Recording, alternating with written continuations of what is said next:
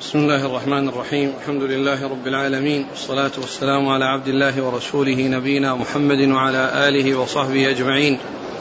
أما بعد فيقول أمير المؤمنين في الحديث أبو عبد الله محمد بن إسماعيل البخاري رحمه الله تعالى يقول في كتابه الجامع الصحيح بسم الله الرحمن الرحيم كتاب المرضى. ما جاء في كفارة المرض وقول الله تعالى من يعمل سوءا يجز به. قال حدثنا أبو اليمان الحكم بن نافع. قال أخبرنا شعيب عن الزهري. قال أخبرني عروة بن الزبير أن عائشة رضي الله عنها زوج النبي صلى الله عليه وآله وسلم قالت قال رسول الله صلى الله عليه وآله وسلم ما من مصيبة تصيب المسلم إلا كفر الله بها عنه حتى الشوكة حتى الشوكة يشاكها. بسم الله الرحمن الرحيم، الحمد لله رب العالمين. وصلى الله وسلم وبارك على عبده ورسوله نبينا محمد وعلى آله وأصحابه أجمعين. أما بعد يقول الإمام البخاري رحمه الله كتاب المرضى. في بعض النسخ يعني يأتي كتاب المرضى مستقلا عن كتاب الطب الذي بعده. وفي بعضها يأتي كتاب الطب ذكر كتاب الطب وجعلت أحاديث كتاب المرضى تابعة لكتاب الطب. وهنا فيه ذكر كتاب المرضى مستقل ويأتي بعده كتاب الطب. والمرضى جمع مريض. وقد ذكر في أول أبواب هذا الكتاب باب كفارة المرض باب ما جاء في كفارة المرض. يعني باب ما جاء في كفارة المرض للذنوب. يعني كون المرض يكفر الذنوب وما يصيب الإنسان من مصيبة وما يصيبه من مرض أو غيره فإن الله تعالى يكفر به يكفر عنه ذنوبه بذلك. فهو من الأسباب التي جعلها الله لتكفير الذنوب. و و والمرض يأتي ذكره يعني آه، فاعلا ويأتي ذكر يعني والمقصود به أنه لازم. يعني إذا قيل مرض فلان يعني أنه حصل له المرض. وقام به المرض. وأما يعني إذا كان الفعل من الإنسان والحدث من الإنسان فإنه يقال مثلا أكل فلان وشرب فلان فهذا متعدي. وأما ذاك فهو لازم. ولهذا يقولون في تعريف الفاعل في النحو كما في شذور لابن هشام الفاعل اسم مرفوع يدل على من حصل منه الحدث أو قام به. يعني من حصل منه الحدث أو قام به الحدث. فإذا قيل أكل فلان وشرب فلان حصل منه الحدث. لأن الأكل والشرب من فعل الإنسان. وأما إذا قيل مرض فلان أو مات فلان فإنه قام به المرض وقام به الموت لأنه ليس من فعله ليس من فعله. فإذا هذا الذي هو كون المرض يأتي يعني يأتي آه، آه، مرض فلان يعني أنه يكون بذلك آه، هذا مما ممن قام به الحدث الذي هو المرض. ليس من فعل الإنسان المرض وإنما هو شيء يقوم به. ولهذا كما قلت يقول ابن هشام في الشذور شذور الذهب الفاعل اسم مرفوع يدل على من حصل منه الحدث أو قام به أي قام به الحدث فإذا قيل مرض فلان وإذا مرضت فهو يشفين فإن المقصود من ذلك أن المرض قام بالإنسان. وإذا قيل أكل فلان وشرب فلان فإن هذا الحدث حصل بفعل الإنسان وبإرادة الإنسان وبمشيئة الإنسان. وقال كفارة كفارة المرض أي كفارته للذنوب. أي أن الذنوب أن الأمراض تكفر الذنوب. وأن ما يحصل الإنسان من ضرر وما يحصل من مصائب مرض أو غيره حتى الشوكة إذا يعني وقعت في رجل الإنسان أو في يد الإنسان أو في أي جسم الإنسان وحصل له الضرر بذلك فإن الله تعالى يكفر عنه. وليس هذا إلا للمؤمن. كما جاء في الحديث عن النبي صلى الله عليه وسلم أنه قال عجبا لأمر المؤمن إن أمره كله, كله له خير. إن أصابته سراء شكر فصار خيرا له وإن أصابته ضراء صبر فكان خيرا له وليس ذلك لأحد إلا للمؤمن. ثم إن الكفارة يعني كون الأمراض أنها كفارة للذنوب يعني لا يعني ذلك أنها تكفر جميع الذنوب ولكنها تكفر الصغائر وأما الكبائر فإن الإنسان إذا ندم وتاب منها فإنه يحصل له التكفير من جميع الذنوب. وأما كونه يعني يمرض وهو يفكر في الكبائر ويصر عليها ويعني آه، يفكر فيها ولم يتب منها فإن ذلك لا تكفره لا تكفره الأمراض ولا تكفره المصائب وإنما هذه يكفرها يكفرها التوبة. فالأعمال الصالحة والمصائب هذه تكفر الصغائر. وإذا حصل توبة فإن التكفير يكون للصغائر والكبائر. ثم قال الآية من من يعمل سوءا يجزى به. وهذا وهذه الآية هي أعم من من من, من محل الترجمة. لأن الترجمة تتعلق بالمرض والتكفير بالمرض والجزاء. يعني آه، أن الإنسان يجازى وأنه يحصل آه، له بسبب الذنوب أنه يحصل له مرض فذلك المرض يكون سببا في تكفير يكون سببا في تكفير الذنوب وفي التخلص منها من يعمل سوءا يجزى به. ثم ذكر حديث عائشة رضي الله عنها أن النبي صلى الله عليه وسلم قال ما من مصيبة تصيب المسلم إلا كفر الله يعني بها عنه حتى الشوكة حتى الشوكة يشاكها. يعني حتى أن الشوكة التي تصيب الإنسان في رجله أو في يده أو في جسده فإنه يثيبه الله عز وجل عليها ويكفر عنه سيئاته بسبب هذا الذي أصابه وبسبب هذا المرض الذي أصابه. قال ما من مصيبة تصيب المسلم إلا كفر الله بها عنه حتى الشوكة يشاكها. نعم تصيب المسلم وهذا خاص بالمسلم. ولهذا جاء في الحديث الذي ذكرته يعني آه، عجبا لأمر المسلم المؤمن إن أمره كله له خير إن أصابته سراء شكر فصار خيرا له وإن أصابته ضراء صبر فكان خيرا وليس ذلك لأحد إلا للمؤمن. نعم. قال حدثنا أبو اليمان الحكم بن نافع. هنا ذكره باسمه وكنيته ومشهور بكنيته ويأتي ذكره كثيرا بالكنية بدون الاسم وهنا جمع بين التكنية وبين الاسم. أبو اليمان الحكم بن نافع. نعم.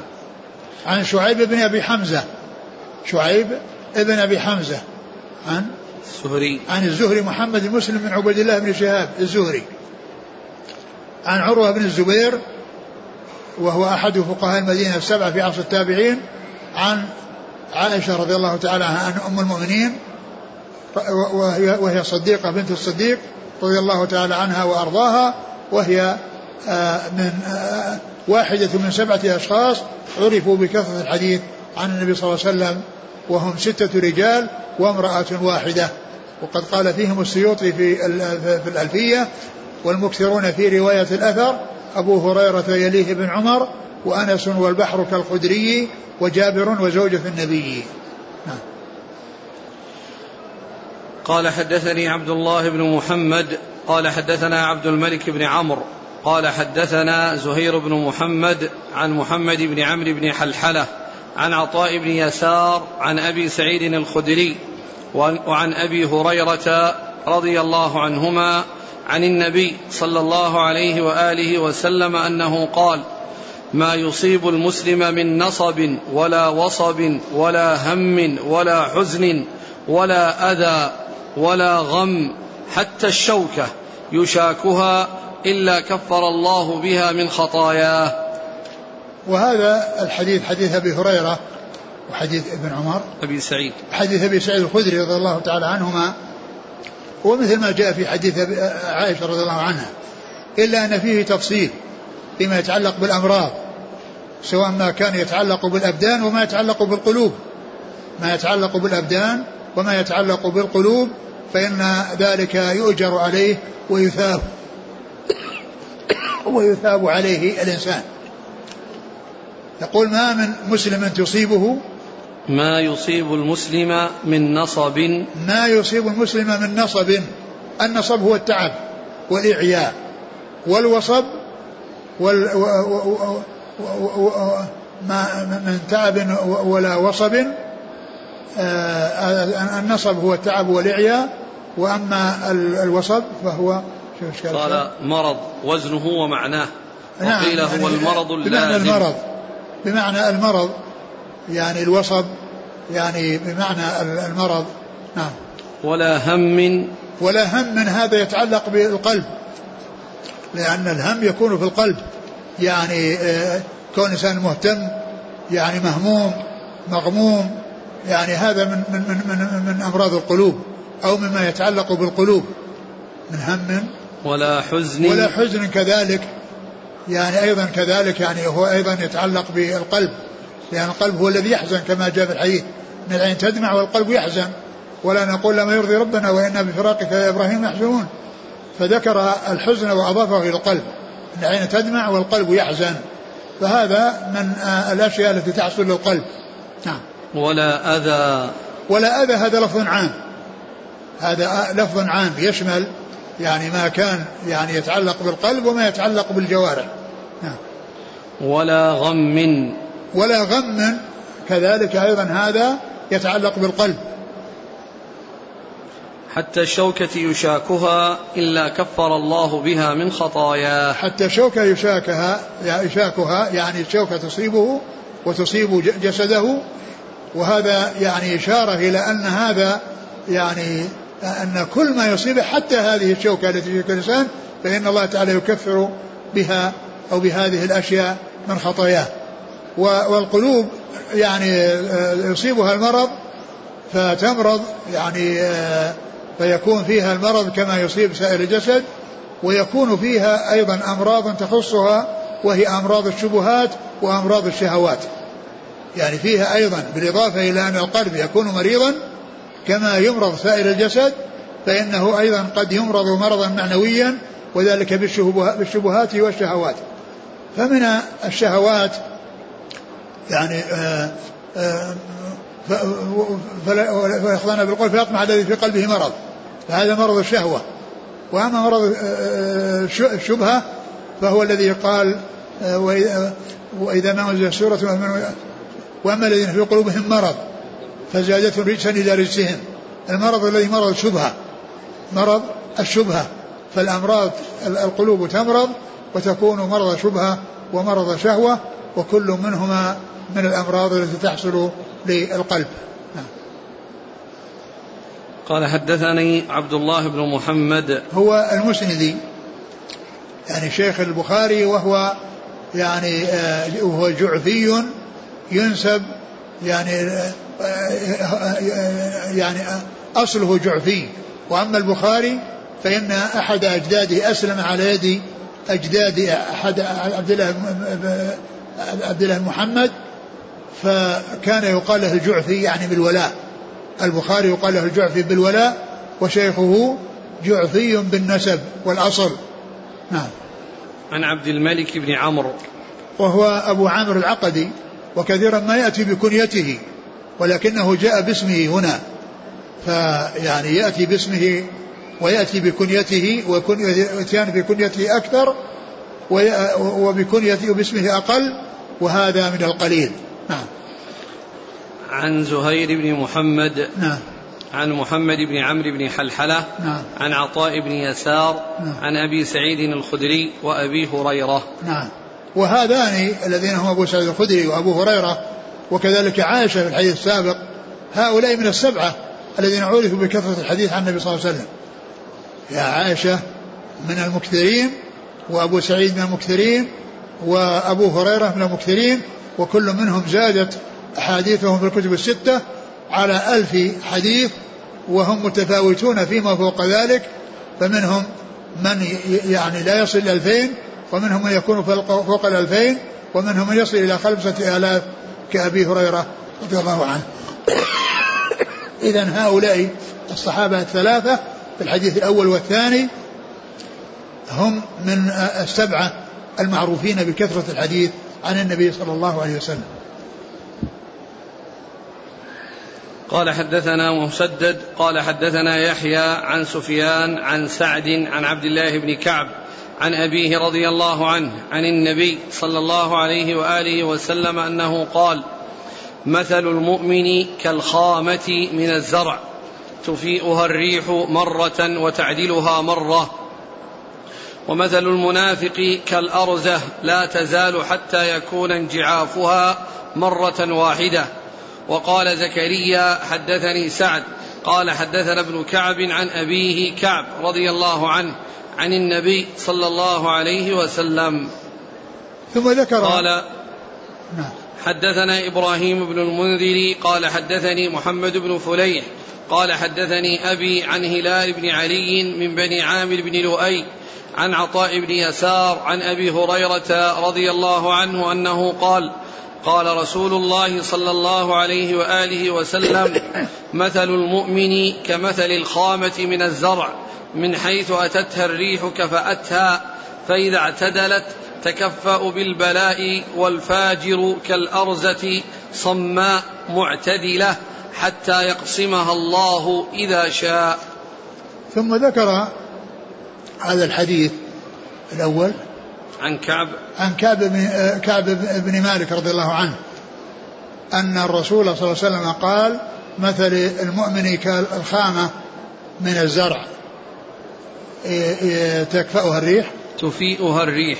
تفيئها الريح. تفيئها الريح مرة وتعدلها مرة. تفيئها الريح مرة وتعدلها مرة.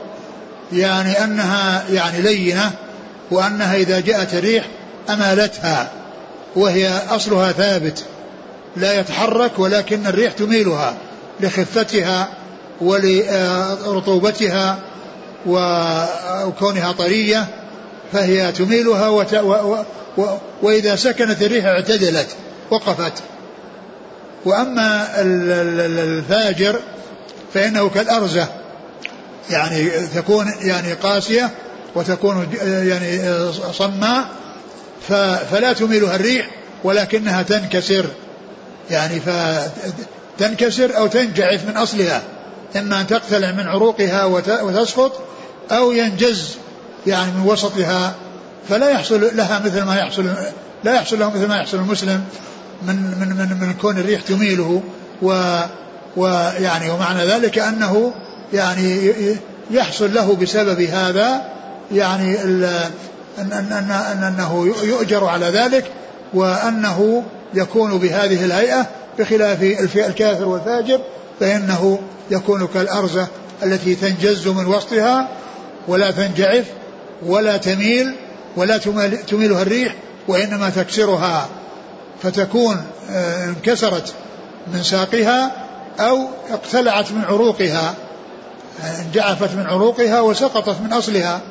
وأما الخامة من الزرع فإن الريح تفيئها وتجعف تحولها من جهة إلى جهة وإذا سكنت الريح فإنها تعتدل وتبقى واقفة.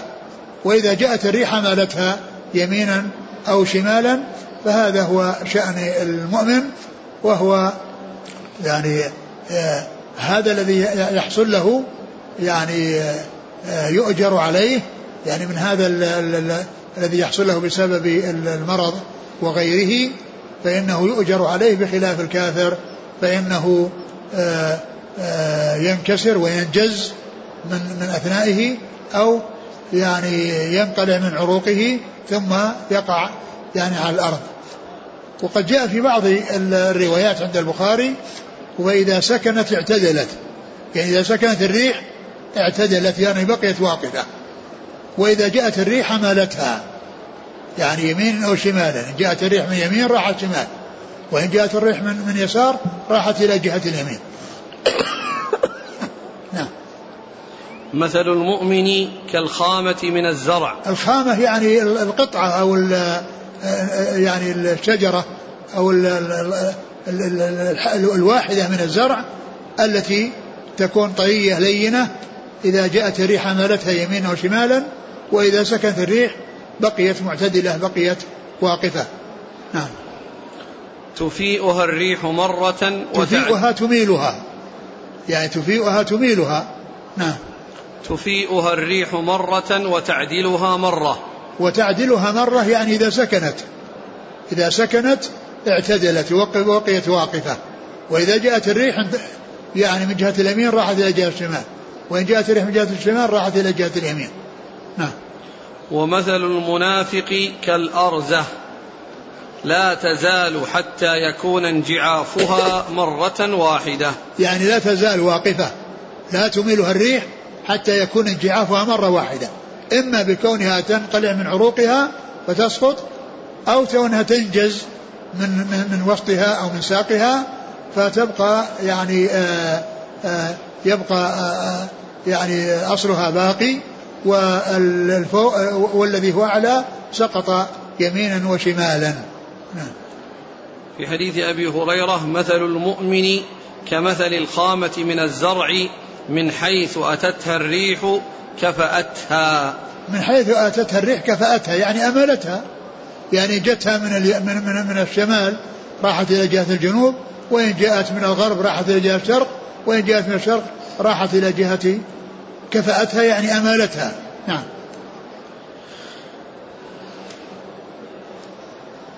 فإذا اعتدلت تكفأ بالبلاء.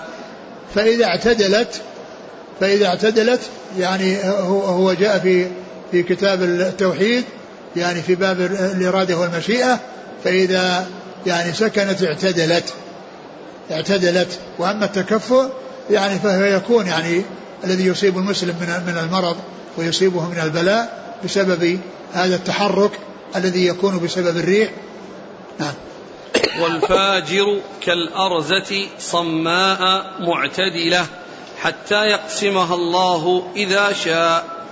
يعني هنا قال يجعفها يعني أصلها وهنا يقسمها إذا شاء. يعني أنها تنكسر وتنجز من وسطها فيذهب أعلاها ويبقى أصلها يعني قد كسر وذهب. وأما المسلم فإنها تميل يمينا وشمالا. قال حدثنا مسدد. مسدد بن مصرهد عن يحيى. ابن سعيد القطان. عن سفيان. سفيان الثوري. عن سعد. سعد. ابن إبراهيم بن عبد الرحمن بن عوف. نعم. عن عبد الله بن كعب عن أبيه. نعم. وقال زكريا حدثني ابن سعد. ابي زائدة. زكريا بن أبي زائدة. عن سعد عن ابن كعب عن ابيه كعب. نعم. يعني هناك هناك سماه وهنا يعني لم يسمه فقال ابن كعب والأولى فيها عبد الله عبد الله بن كعب يعني فتصير الرواية الأولى فيها فيها اسمه وهنا يعني الثانية غير مسمى. نعم. قال حدثنا إبراهيم بن المنذر نعم. عن محمد بن فليح. محمد؟ بن فليح بن سليمان. نعم. عن, عن أبي فليح بن سليمان. عن هلال بن علي من نعم. بني عامر بن لؤي. نعم. عن عطاء بن يسار. عن نعم. أبي هريرة. نعم. قال حدثنا عبد الله بن يوسف قال أخبرنا مالك عن محمد بن عبد الله بن عبد الرحمن بن أبي صعصعة أنه قال سمعت سعيد بن يسار أبا الحباب يقول سمعت أبا هريرة رضي الله عنه يقول قال رسول الله صلى الله عليه وآله وسلم من يرد الله به خيرا يصب منه. ثم ذكر هذا الحديث قال من يرد الله به خيرا يصب منه. يعني أنه يحصل له مصائب يعني يكفر الله بها عنه وذلك من إرادة الخير للعبد لأنه كما جاء في الحديث إن أصابته سراء شكر فكان خيرا وإن أصابته ضراء صبر فكان خيرا. يصب منه يعني يحصل له مصيبة يعني تكون سببا لحط خطاياه وسببا لتكفير خطاياه. قال حدثنا عبد الله بن يوسف التنيسي. عن مالك بن أنس. عن محمد بن عبد الله بن عبد الرحمن بن أبي صعصعة. نعم. عن سعيد بن, بن يسار. نعم. عن أبي هريرة. نعم. قال رحمه الله تعالى باب شدة المرض.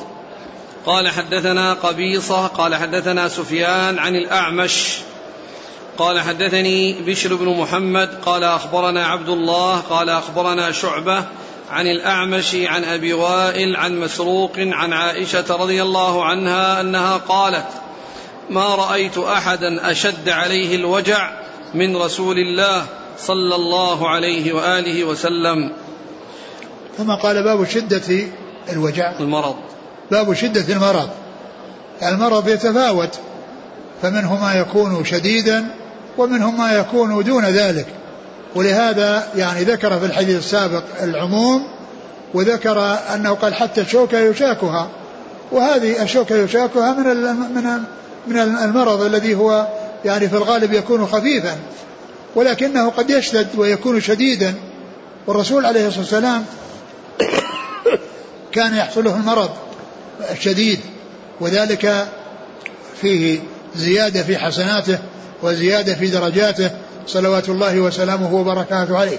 ولهذا قالت عائشة رضي الله عنها ما رأيت أحدا أشد ما, ما رأيت, أحدا أشد عليه الوجع من رسول الله صلى الله عليه وسلم. ما رأيت أحدا أشد عليه الوجع من رسول الله صلى الله عليه وسلم. فالرسول عليه الصلاة والسلام تصيبه الأوجاع وتصيبه الأمراض وذلك فيه زيادة في رفعته وزيادة في درجاته وأيضا فيه أيضا التسلية ولغيره أن أنه إذا أصاب إنسان يعني أمراض فإن فإنه يتذكر ما كان ما حصل لرسول الله صلى الله عليه وسلم ورسول الله عليه السلام وهو خير الناس وأفضل الناس أصابه المرض.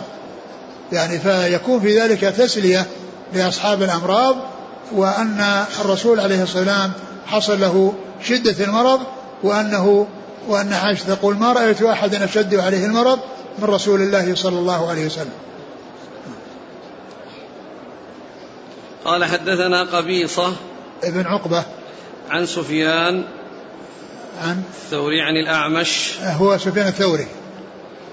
عن الأعمش. سليمان بن مهران.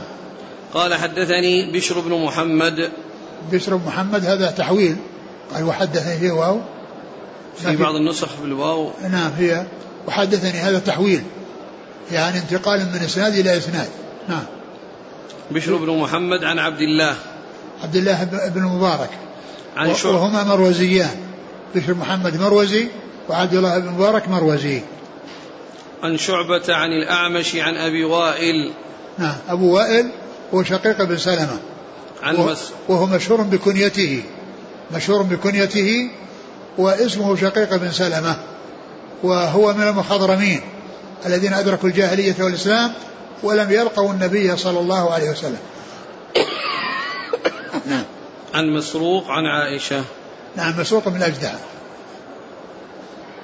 قال حدثنا محمد بن يوسف.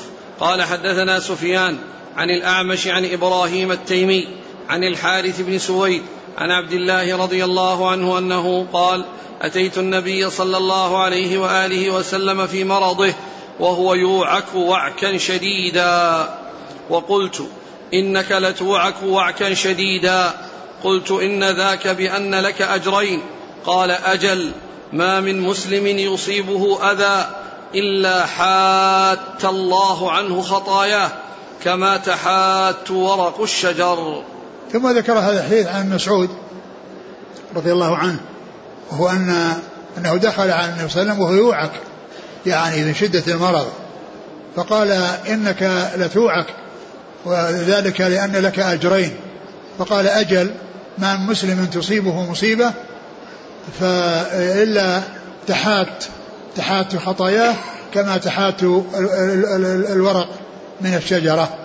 يعني معناها أن أن أن أن, أن حصول المصائب وحصول الأمراض فإن الله تعالى يكفر بها الذنوب. والرسول عليه السلام غفر الله له ما تقدم من ذنبه وما تأخر فيكون ذلك زيادة في درجاته وزيادة في منزلته عند الله سبحانه وتعالى. قال حدثنا محمد بن يوسف الفريابي عن سفيان الثوري عن الأعمش عن إبراهيم التيمي إبراهيم بن يزيد التيمي نعم. عن الحارث بن سويد نعم. عن عبد الله بن مسعود. قال رحمه الله تعالى باب أشد الناس بلاء الأنبياء ثم الأول فالأول. قال حدثنا عبدان عن أبي حمزة عن الأعمش عن إبراهيم التيمي عن الحارث بن سويد عن عبد الله رضي الله عنه أنه قال دخلت على رسول الله صلى الله عليه وآله وسلم وهو يوعك فقلت يا رسول الله إنك توعك وعكا شديدا. قال أجل إني أوعك كما يوعك رجلان منكم. قلت ذلك أن لك أجرين. قال أجل ذلك كذلك. ما من مسلم يصيبه أذى شوكة فما فوقها إلا كفر الله بها سيئاته كما تحط كما تحط الشجرة ورقها. باب أشد الأنبياء أشد الناس بلاء. باب أشد الناس بلاء الأنبياء ثم الأمثل فالأمثل. وفي نسخة الأول فالأول. يعني الأول يعني في الفضل. يعني وأكثر النسخ فيها الأمثل فالأمثل. يعني المقصود به الأفضل فالأفضل. يعني معنى ذلك أنه ليس المرض علامة على يعني آه نقص الإنسان وإنما يكون المرض آه يعني يحصل للكمل ويحصل لأكمل الكمل الذين هم الأنبياء ثم يعني يليهم الأمثل فالأمثل يعني الأفضل فالأفضل. ومعنى ذلك أن أن الأمراض تصيب الأنبياء وأنهم أشد الناس بلاء وأنه يليهم الأمثل فالأمثل و وفي بعض في نسخة من النسخ الأول فالأول. والأول فالأول يعني الأول آه، على غيره أو المقدم على غيره في الفضل. المقدم على غيره في الفضل. قال أشد الناس بلاء الأنبياء ثم الأول فالأول. نعم. وفي أكثر نسخ الأمثل فالأمثل. نعم. إيش بعد؟ حديث عبد الله قال دخلت عليه الصلاه والسلام وهو يوعك. نعم. فقلت إنك توعك وعكا يعني شديدا. إنك توعك يعني وعكا شديدا. ذلك لأن لك أجرين؟ قال نعم وهو كذلك. ثم ذكر يعني ما يتعلق بالمسلمين وأنه ما من مسلم تصيبه يعني مصيبة إلا كانت سببا في تحاتي سيئاته وذنوبه كما تتحات يتحات الورق من الشجرة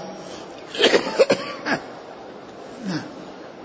قال حدثنا عبدان عبدان هو عبد الله بن محمد عبد الله بن عثمان بن جبلة المروزي وهو اسمه عبد الله ولقبه عبدان. واللقب مأخوذ من الاسم. مأخوذ من الاسم. عبد الله يؤخذ منه عبدان. وفي بعض آه، يعني ويؤخذ منه أيضا عباد. لأن ممن يسمى ممن يلقب عباد فإنه يعني اسمه عبد الله ولهذا تؤخذ الألقاب من الأسماء. فعبدان مأخوذ من عبد الله وعباد مأخوذ من من من عبد الله وكذلك دحيم مأخوذة من عبد الرحمن وهكذا. عن أبي حمزة. أبو حمزة السكري. أبو حمزة السكري هو اسمه. محمد بن ميمون. محمد بن ميمون. ويقال له السكري نسبة إلى غير ما يسبق إلى الذهن. يعني الذي يسبق إلى الذهن أنه يبيع السكر أو أنه يعمل السكر أو يصنع السكر. أو يستخرج السكر وهو ليس كذلك وإنما كان حلو المنطق يعني كلامه سكر مثل السكر عذب المنطق يعني حلو الكلام حلو اللسان فقيل له السكري فهذه نسبة إلى غير ما يسبق إلى الذهن نسبة إلى غير ما يسبق إلى الذهن وهذا من جنس يزيد بن صهيب الفقير فإن المتبادل للذهن الفقير من الفقر. وليس كذلك وإنما كان يشكو فقار ظهره. يعني يشكو فقار ظهره فقيل له الفقير. وكذلك الحذاء خالد الحذاء. فإن المتبادر إلى الذهن أن الحداء هو الذي يعمل الأحذية أو يبيعها. وهو ليس بائعا ولا يعني صانعا للأحذية وإنما كان يأتي ويجلس بجوار عند الحذائين. يأتي ويجلس عند الحذائين ويقول احذوا على كذا. يعني إنه يرسم له. يعني شيء يقول احذوا على كذا يعني يقص يعني حتى يطلع مقدار القدم الذي يعني آه، يقص عليه. احذو على كذا يعني أنك يعني أنه يقص يعني على قدر هذا الرسم الذي رسم. فلهذا قيل له الحذاء. ومعلوم أن الإنسان إذا رسم فقد يكون ماهرا يعني يشق على قدر الرسم وقد يكون غير ماهر فيحصل فيه تعرج يعني ما يكون يعني مستقيم. ولهذا يأتي الخلق بمعنى التقدير. يأتي الخلق بمعنى التقدير. ولهذا يقول الشاعر ولا أنت تفري ما خلقت وبعض القوم يخلق ثم لا يفري. يعني أنت إذا رسمت خطة يعني آه، في في فإنك تقص وتفري وفقا للرسم. وغيرك يخلق يعني يرسم ولكن لا لا ينفذ كما تنفذ. ولا أنت تفري ما خلقت وبعض القوم يخلق ثم لا يفري. آه. عن الأعمش عن إبراهيم التيمي عن الحارث بن سويد عن عبد الله. نعم. يقول الحافظ فيه ثلاثة من التابعين على نسق. نعم وكلهم كوفيون. نعم اللي هم إبراهيم التيمي. يريد الأعمش. الأعمش وإبراهيم. إبراهيم التيمي والحارث بن سويد. أي نعم. الأعمش هو من صغار التابعين. الأعمش من صغار التابعين مثل الزهري ومثل يحيى بن سعيد الأنصاري فإن هؤلاء من صغار التابعين. وغالبا ما يكون من الطبقة الخامسة من الطبقات اللي ذكرها الحافظ بن حجر في التقريب. نعم. قال رحمه الله تعالى باب وجوب عيادة المريض. قال حدثنا قتيبة بن سعيد قال حدثنا أبو عوانة عن منصور عن أبي وائل عن أبي موسى الأشعري رضي الله عنه أنه قال قال رسول الله صلى الله عليه وآله وسلم اطعموا الجائع. وعودوا المريض وفكوا العاني. ثم ذكر باب وجوب عيادة المريض. باب وجوب عيادة المريض. يعني أن المريض يعوده يعني الناس ويأتون إليه ويعني يؤنسونه ويهونون من مصيبته ويدعون له. وهنا ترجم بالوجوب يعني وأن ذلك واجب. وقيل إن ذلك محمول على الوجوب الكفائي ولا يعني ذلك أنه واجب على الأعيان وأن كل إنسان يلزمه أن يذهب إلى مريض ويعوده لكن عيادة المريض مطلوبة في الجملة ولكن لا يلزم أن يكون كل إنسان يتحتم عليه أن يعود المريض وإن لم يفعل فإنه يأثم وإن لم يفعل فإنه يأثم ولكنه مرغب فيها وهي مطلوبة ولكن يعني إذا إذا حصل أن قام بذلك البعض فإنه حصل الوجوب الكفائي وليس ذلك من الوجوب على الأعيان وإلا فإن كل من لم يذهب كل من علم المريض وأنه مريض ولم إليه فإنه يكون آثما لأنه ترك الأمر الواجب وإن المقصود من ذلك الوجوب الكفائي الذي يعني يحصل به المقصود ويعني يتأتى به الوجوب في الجملة. آه، ثم ذكر هذا الحديث قال عن أبي موسى قال صلى الله عليه وسلم اطعموا الجائع. اطعموا الجائع. اطعموا الجائع وعود المريض. فكوا العاني. نعم. وفكوا العاني. وفكوا العاني. يعني العاني الأسير. يعني يعملون على فك أسره بفدائه. ودفع شيء مقابل تخليصه من من من الأسر. يعني ف محل الشاهد هي الجملة الثانية التي يقول عودوا المريض. نعم. قال حدثنا قتيبة بن سعيد نعم. عن أبي عوانة الوضاح بن عبد الله اليشكري عن منصور ابن المعتمر. عن أبي وائل عن أبي موسى الأشعري. نعم عبد الله بن قيس رضي الله عنه. يعني مشهور بكنيته واسمه عبد الله بن قيس. قال حدثنا حفص بن عمر قال حدثنا شعبة قال أخبرني أشعث بن سليم قال سمعت معاوية بن سويد بن مقرن عن البراء بن عازب رضي الله عنهما أنه قال أمرنا رسول الله صلى الله عليه وآله وسلم بسبع ونهانا عن سبع نهانا عن خاتم الذهب ولبس الحرير والديباج والاستبرق وعن القسي والميثرة وأمرنا أن نتبع الجنائز ونعود المريض ونفشي السلام. ثم ذكر باب نفس الباب. نعم. حديث البراء بن عازب. حديث البراء بن عازب رضي الله عنه قال أمر رسول بسبع ونهانا عن سبع. عن سبع. وقد ذكر بعضها ولم يستوعبها في هذه الطريق وفي هذه الرواية التي ذكرها هنا. لم يستوعبها وإنما ذكر جملة منها. في المامورات في شيء بدأ بالمنهي قال نهانا عن سبع نهانا أيوة. عن خاتم الذهب أيوة. ولبس الحرير أه. والديباج أه. والاستبرق أه. وعن القسي والميثرة إيه. انتهى نعم يعني هذه ستة يعني هنا ذكر ستة وفي الثاني ذكر ثلاثة يعني وذلك فيه اختصار يعني اختصار يعني لها وإلا فإنها جاءت في بعض الروايات يعني كاملة يعني سبع وسبع قال نهانا في الأول عن نهانا عن خاتم الذهب. عن خاتم الذهب يعني في حق الرجال. يعني هذه النواهي أو المناهي إنما هي في حق الرجال.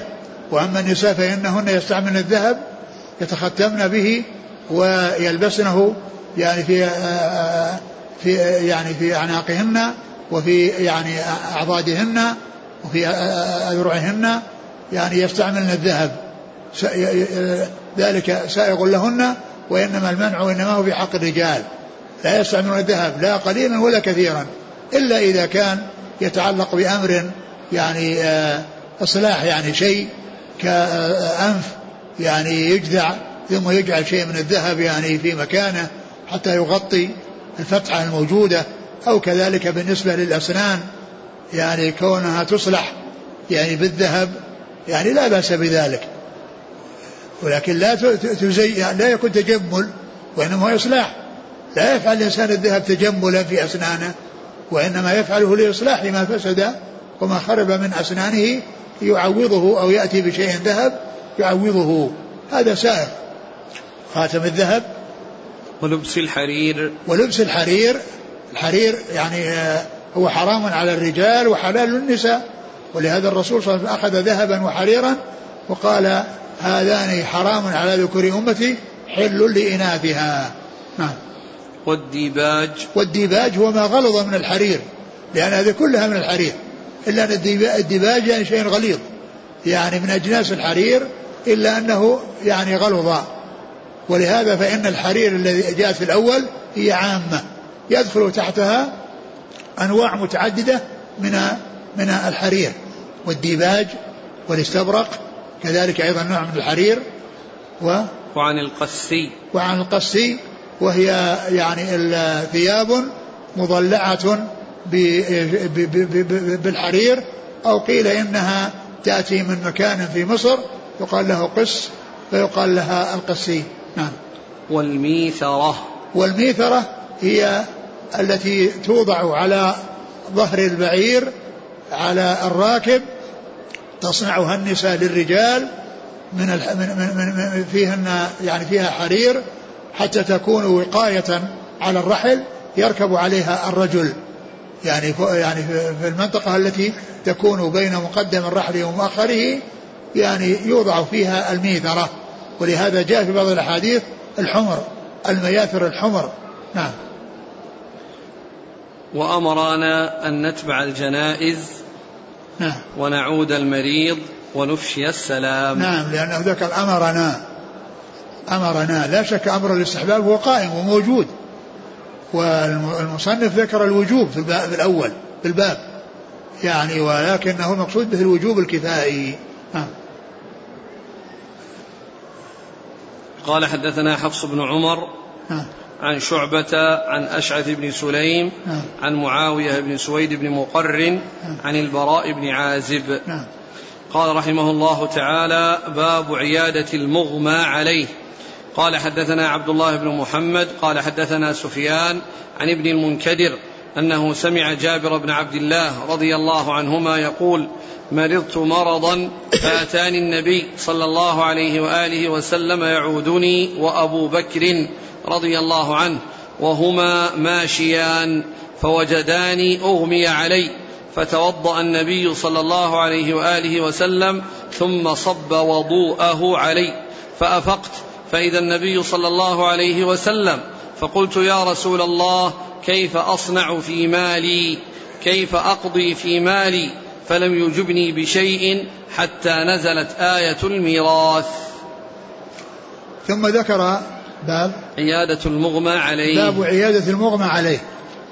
يعني عيادة المريض الذي يعني يحس ويشعر بمن يأتي إليه والمغمى عليه الذي ليس عنده إحساس ولا شعور بمن يأتي ولا بمن حوله لأنه حصل منه فقد الإحساس بسبب الإغماء الذي حصل الذي حصل له. و وهذا فيه أن الزيارة لا تكون مقصورة على من عنده إحساس بل يمكن أن تكون عند من لا إحساس له كالمغمى عليه. وفي ذلك مصلحتان إحداهما جبر خاطر أهله وإناس أهله بكونه حصلت الزيارة يعني من هذا الزائر يعني يسرون ويفرحون.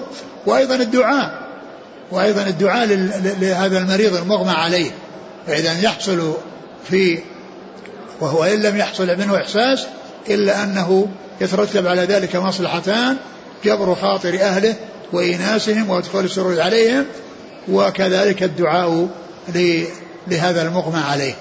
ثم ذكر حديث جابر أن النبي صلى الله عليه وسلم جاء إليه هو أبو بكر ويعني وجدوه قد أغمي عليه فالرسول صلى الله عليه وسلم توضأ بوضوء ثم صب عليه. يعني من فضل وضوئه فأفاق. ومعلوم أن النبي عليه الصلاة والسلام يعني ما أصابه جسده وما تقاطر من جسده أن فيه بركة أن فيه بركة. وهذا إنما هو من خصائصه عليه الصلاة والسلام. يعني ليس لأحد يعني غير الرسول صلى الله عليه وسلم إذا جاء لمريض أنه يتوضأ ويصب عليه. وإنما هذا يحصل حصل من رسول الله عليه الصلاة والسلام. ولهذا جاء في في في فيما مضى يعني آه، أول أطراف هذا الحديث قال باب صب الرسول صلى الله عليه وسلم وضوءه على المغمى عليه. باب صب النبي صلى الله عليه وسلم وضوءه على المغمى عليه.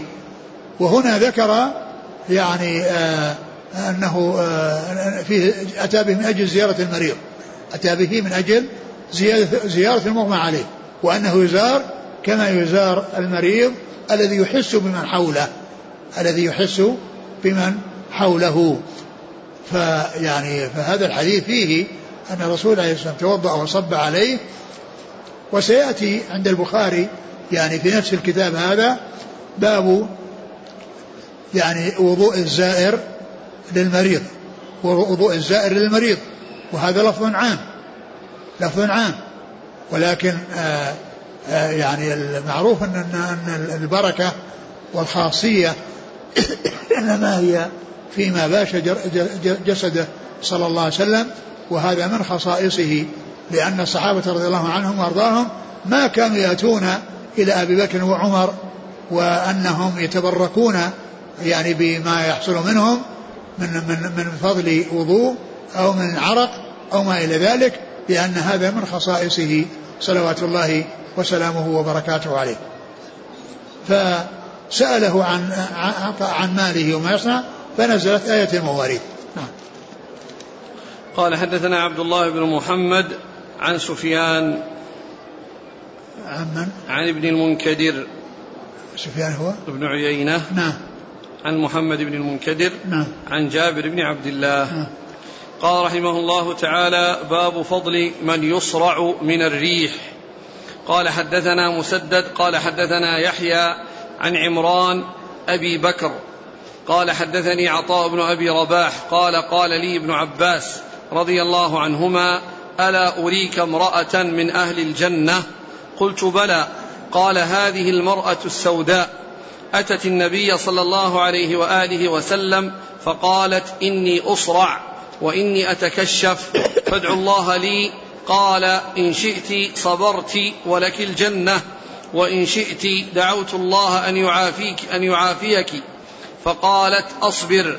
فقالت إني أتكشف. فادعوا الله الا أتكشف. فدعا لها. ثم قال باب فضل من يصرع من الريح. فضل من يصرع من الريح. قال يعني آه، هنا ذكر الريح. والصرع يكون من الريح وهي التي يعني يكون أبخرة وأشياء تكون تذهب إلى الدماغ فيحصل منه الضعف الشديد حتى لا يستطيع أن, أن يقوم وحتى لا يستطيع أن يجلس فيعني يكون يعني جسمه يعني ضعيف جدا لا يستطيع التماسك وإنما يعني يعني يكون لاطئا في الأرض بسبب ذلك. والاحتمال الآخر أن ذلك من صرع الجن ولكن التعبير بالريح يعني هنا يعني يدل على أنه يعني أراد ذلك الصرع الذي هو مرض يعني ليس عن طريق الجن وإنما هو عن طريق آه، الريح التي تصعد إلى الدماغ ويحصل له ضعف بسبب ذلك فيعني يكون يفقد إحساسه أو يفقد يعني شعوره يعني بسبب ذلك. وقد آه، أورد آه، هذا الحديث حديث حديث الصحابي ابن عباس ألا أريك امرأة؟ حديث ابن عباس. يقول لعطاء. يقول لعطاء بن أبي رباح. نعم. ألا أريك امرأة من أهل الجنة؟ ألا أريك امرأة من أهل الجنة؟ ثم ذكر يعني ذكر هذه المرأة التي جاءت إلى النبي صلى الله عليه وسلم وأنها تصرع وأن الرسول عليه الصلاة والسلام يعني آه، خيرها بين أن يدعو لها فتشفى أو تصبر فاختارت أن تصبر. وهذا يدل على ما كان عليه الصحابة رضي الله عنهم من محبة الخير والمجاهدة النفوس والصبر على المصائب وأنهم يفضلون الثواب من الله عز وجل على ما يحصل لهم من راحة. فلما خيرها الرسول صلى الله عليه وسلم بين أن يدعو لها وتشفى أو تصبر ولها الجنة اختارت أن تصبر وتحصل الجنة. ولكنها لما كانت تتكشف بمعنى أنها تنكشف العورة بسبب آه، فقدها للإحساس يعني طلبت منه أن يدعو لها ألا تتكشف. فدعا لها ألا تتكشف. ودعا لها ألا لا تتكشف. والحديث ليس فيه يعني يعني ذكر آه، الريح ولا ذكر الصرع. اللي هو من الجن وإنما يعني هو مطلق والحافظ ذكر آثارا تدل على أن المقصود به أنه كان من الجن وأن هذا الصرع سببه الجن ومخالطة الجن للإنسان. ولكن الترجمة فيها ذكر الريح وهي ما يحصل من الريح الذي ينحبس في الدماغ فيترتب عليه يعني هذا الضعف الذي يعني يفقد معه الإحساس. في شرح باب فضل من يصرع من الريح. نعم. انحباس الريح قد يكون سببا للصرع وهي علة تمنع الأعراض الرئيسية عن انفعالها منعا غير تام تمنع الأعضاء. انحباس الريح قد يكون سببا للصرع وهي علة تمنع الأعضاء الرئيسية عن انفعالها منعا غير تام. وسببه ريح غليظة تنحبس في منافذ الدماغ. أو بخار رديء يرتفع إليه من بعض الأعضاء وقد يتبعه تشنج في الأعضاء فلا يبقى الشخص معه منتصبا بل يسقط ويقذف بالزبد لغلظ الرطوبة وقد يكون الصرع من الجن ولا يقع إلا من النفوس الخبيثة منهم إما لاستحسان بعض الصور الإنسية وإما لإيقاع الأذية به. والأول هو الذي يثبته جميع الأطباء ويذكرون علاجه والثاني يجحده كثير منهم وبعضهم يثبته ولا يعرف له علاجا إلا بمقاومة الأرواح الخيرة العلوية لتندفع آثار الأرواح الشريرة السفلية وتبطل, وتبطل أفعالها. وممن نص منهم على ذلك إبقراط. فقال لما ذكر علاج المصروع هذا إنما ينفع في الذي سببه أخلاط. نعم بعده إيش بعده؟ الحديث؟ الحديث الذي يأتي حديث أم زفر. إيه اقرأ الحديث. قال حدثنا محمد قال أخبرنا مخلد عن ابن جريج قال أخبرني عطاء أنه رأى أم زفر تلك امرأة طويلة سوداء على ستر الكعبة. يعني هذه المرأة التي يعني مرت في الحديث قال أنه رآها وأنها امرأة طويلة سوداء على ستر الكعبة. يعني يعني معناها أنها مستندة أو أنها متمسكة أو بستر الكعبة. قد جاء في بعض الروايات متعلقة بأستار الكعبة. نعم. قال حدثنا محمد محمد هو بن سلام. عن مخلد نعم. ابن ابن يزيد. نعم. الطواني عن ابن جريج. نعم. عن عطاء. نعم. أنه رأى أم زفر. نعم. قال حافظ ابن حجر انتهى الباب. نعم. ب- بعده. باب ونقرأ كلام حافظ ونترك. نعم. كلام الحافظ ابن حجر. في هنا أورد أن هذا من الجن. أي وش قال؟ نعم وذكر يعني آثار. نعم. أحاديث. نعم. قال؟ أم- قال وأخرجه ابن عبد البر في الاستيعاب من طريق حجاج بن محمد بن جريج عن الحسن المسلم أنه سمع طاووسا يقول كان النبي صلى الله عليه وسلم يؤتى بالمجانين فيضرب صدر أحدهم فيبرأ فأتي بمجنونة يقال لها أم زفر فضرب صدرها فلم تبرأ قال ابن جريج وأخبرني عطاء فذكر كالذي هنا وأخرجه ابن مندة في المعرفة من طريق حنظلة بن أبي سفيان عن طاووس فزاد وكان يثني عليها خيرا. وزاد في آخره فقال إن يتبعها في الدنيا فلها في الآخرة خير. وعرف مما أوردت أن اسمها سعيرة وهي بمهملة مصغر. وقع في رواية ابن مندى بقاف بدل العين. سقيرة. وفي أخرى للمستغفر بالكف. أو بالكاف. نعم. وذكر ابن سعد سكيرة نعم. وذكر ابن سعد وعبد الغني في المبهمات من طريق الزبير أن هذه المرأة هي ماشطة خديجة التي كانت تتعاهد النبي صلى الله عليه وسلم بالزيارة. وقد يؤخذ من الطرق التي أردتها أن الذي كان بأم زفر كان من صرع الجن نعم. لا من صرع الخلط. نعم. وقد أخرج البزار وابن حبان من حديث أبي هريرة شبيها بقصتها ولفظه جاءت امرأة بها لمم إلى رسول الله صلى الله عليه وسلم فقالت ادعوا الله. فقال إن شئت دعوت الله فشفاك وإن شئت صبرت ولا حساب عليك. قالت بل أصبر ولا حساب علي. وفي الحديث فضل من يصرع وأن الصبر على بلايا الدنيا يورث الجنة وأن الأخذ بالشدة أفضل من الأخذ بالرخصة لمن علم من, نفس من نفسه الطاقة ولم يضعف عن التزام الشدة. وفيه دليل على جواز ترك التداوي. وفيه أن علاج الأمراض كلها بالدعاء والالتجاء إلى الله أنجع وأنفع من العلاج بالعقاقير. وأن تأثير ذلك وانفعال البدن عنه أعظم من تأثير الأدوية البدنية. ولكن إنما ينجع بأمرين أحدهما من جهة العليل وهو صدق القصد والآخر من جهة المداوى وهو قوة توجهه وقوة قلبه بالتقوى والتوكل. نعم. قال رحمه الله تعالى باب فضل من ذهب بصره. نعم.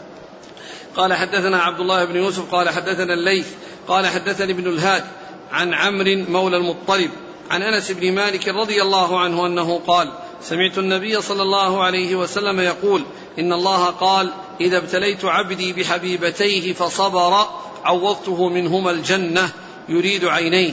تابعه أشعث بن جابر وأبو ظلال عن أنس رضي الله عنه عن النبي صلى الله عليه ثم وسلم ذكر باب فضل من ذهب بصره. يعني أنه أصابه يعني هذا المرض الذي فقد فيه هذه النعمة العظيمة التي هي البصر. ثم ذكر حديثا قدسيا قال الله فيه إذا ابتل اذا إذا ابتليت عبدي بحبيبتيه. إذا ابتليت عبدي بحبيبتيه يعني آه، بفقدهما. وحبيبتيه يعني عينيه. لأنهما يعني من أحب ما يكون للإنسان لأن فيهما رؤية الطريق ورؤية ال يعني ما ما يرجع ما يطلب وما يحذر فيعني فهي فقدها يعني مصيبة عظيمة. والله تعالى يعوض بفقدهما أو من يفقدهما إذا صبر الجنة. نعم. إذا ابتليت عبدي بحبيبتيه فصبر عوضته منهما الجنة. نعم. قال حدثنا عبد الله بن يوسف عن الليث. نعم ليث بن سعد. عن ابن الهاد. يزيد بن يزيد بن عبد الله بن الهاد. عن عمرو بن المط... عن عمرو مولى المطلب. نعم. عن أنس بن مالك. نعم. تابعه أشعث ابن جابر. نعم. وأبو ظلال. ابن هلال أبو ظلال هلال. اسمه. عن أنس. نعم. باب عيادة النساء الرجال. نعم. وعادت أم الدرداء رجلا من أهل المسجد من الأنصار. قال حدثنا قتيبة عن مالك عن هشام بن عروة عن أبيه عن عائشة أنها قالت لما قدم رسول الله صلى الله عليه وسلم المدينة وعك أبو بكر وبلال رضي الله عنهما. قالت فدخلت عليهما. قلت يا أبت كيف تجدك؟ ويا بلال كيف تجدك؟ قالت وكان أبو بكر إذا أخذته الحمى يقول كل امرئ مصبح في أهله والموت أدنى من شراك نعله. وكان بلال إذا أقلعت عنه يقول ألا ليت شعري هل أبيتن ليلة بواد وحولي إذخر وجليل؟ وهل أردنا, أردنا يوما مياه مجنة؟ وهل يبدو لي شامة وطفيل؟ قالت عائشة فجئت إلى رسول الله صلى الله عليه وسلم فأخبرته فقال اللهم حبب إلينا المدينة. كحبنا مكة وأشد. اللهم وصححها وبارك لنا في مدها وصاعها وانقل حماها فاجعلها بالجحفة. ثم ذكر باب عيادة النساء الرجال. باب عيادة النساء الرجال. يعني أن النساء إذا أمنت الفتنة وعدنا الرجال وكانت المرأة كبيرة ويعني عادت يعني رجلا ومعها غيرها وذكر في أن ذلك سائر وذكر في هذا الحديث الذي فيه أن أن أن أن عائشة أن عائشة رضي الله عنها يعني آه، زارت أباها و بلال. وبلال رضي الله تعالى عنهما وكان مع بعض فيعني فكان يعني الزيارة للرجل الذي هو بلال إنما هو مع أبيها وكان معه في مكان واحد. فقالت كيف تجدك يا أبتي؟ ويا بلال كيف تجدك؟ فكان بلال كل من هو يتمثل يعني بالشعر. فأبوها رضي الله عنه يقول ألا؟ كل امرئ مصبح في أهله. كل امرئ مصبح في أهله والموت, والموت أدنى من شراك, من شراك نعله يعني أن الموت قريب وأن الإنسان يعني آه، آه، يحل به المرض ثم يعني قد يفاجأ بالموت بسبب ذلك المرض وقد يشفيه الله عز وجل. كما حصل لأبي بكر فإنه شفي. وهذا كان في أول ما قدموا المدينة وكان فيها حمى. والرسول عليه الصلاة والسلام دعا بأن يعني يعني يخلص الله المدينة من هذه الحمى وأن ينقلها إلى الجحفة. و وأما بلال فكان ينشد. يا ليت شعري هل أبيتن ليلة أيوة. بواد وحولي إذخر وجليل. بواد وحولي إذخر وجليل. والجليل هذا نوع من النبت رائحته طيبة. نوع من النبت رائحته طيبة. والإذخر هو أيضا يعني نبت في في مكة وفي الحجاز رائحته طيبة. ولهذا جاء في حديث العباس أن الرسول لما حرم يعني الحرم وقال لا يشاك شو لا يقطع شجرها ولا يعني ولا يعضد آه، آه، آه، يجتنى يعني شجرها. قال يا رسول الله إلا الإذخر فإنه لقينهم ولبيوتهم ولقبورهم. فقال عليه الصلاة والسلام إلا الإذخر لأنه رائحته طيبة. فكذلك أيضا الجليل هذا الذي معه أيضا هو نوع رائحته طيبة. يعني شيء رائحته طيبة نعم. وهل أردنا يوما مياه مجنة؟ وهل تبدو لي شامة وطفيل؟ وقيل إنهما جبلان وقيل يعني عينان من الماء. نعم. قال حدثنا قتيبة عن مالك عن هشام بن عروة عن أبيه عن عائشة. نعم. قال وعادت أم الدرداء رجلا من أهل المسجد من الأنصار. يعني في المسجد يعني جاء في بعض الروايات أنه في المسجد. يعني عادته في المسجد يعني مرت عليه ويعني آه، سلمت عليه ودعت له. نعم باب عيادة الصبيان. نعم. قال حدثنا حجاج بن منهال قال حدثنا شعبة قال أخبرني عاصم قال سمعت أبا عثمان عن أسامة بن زيد رضي الله عنه أن ابنة للنبي الله عنه أن ابنة للنبي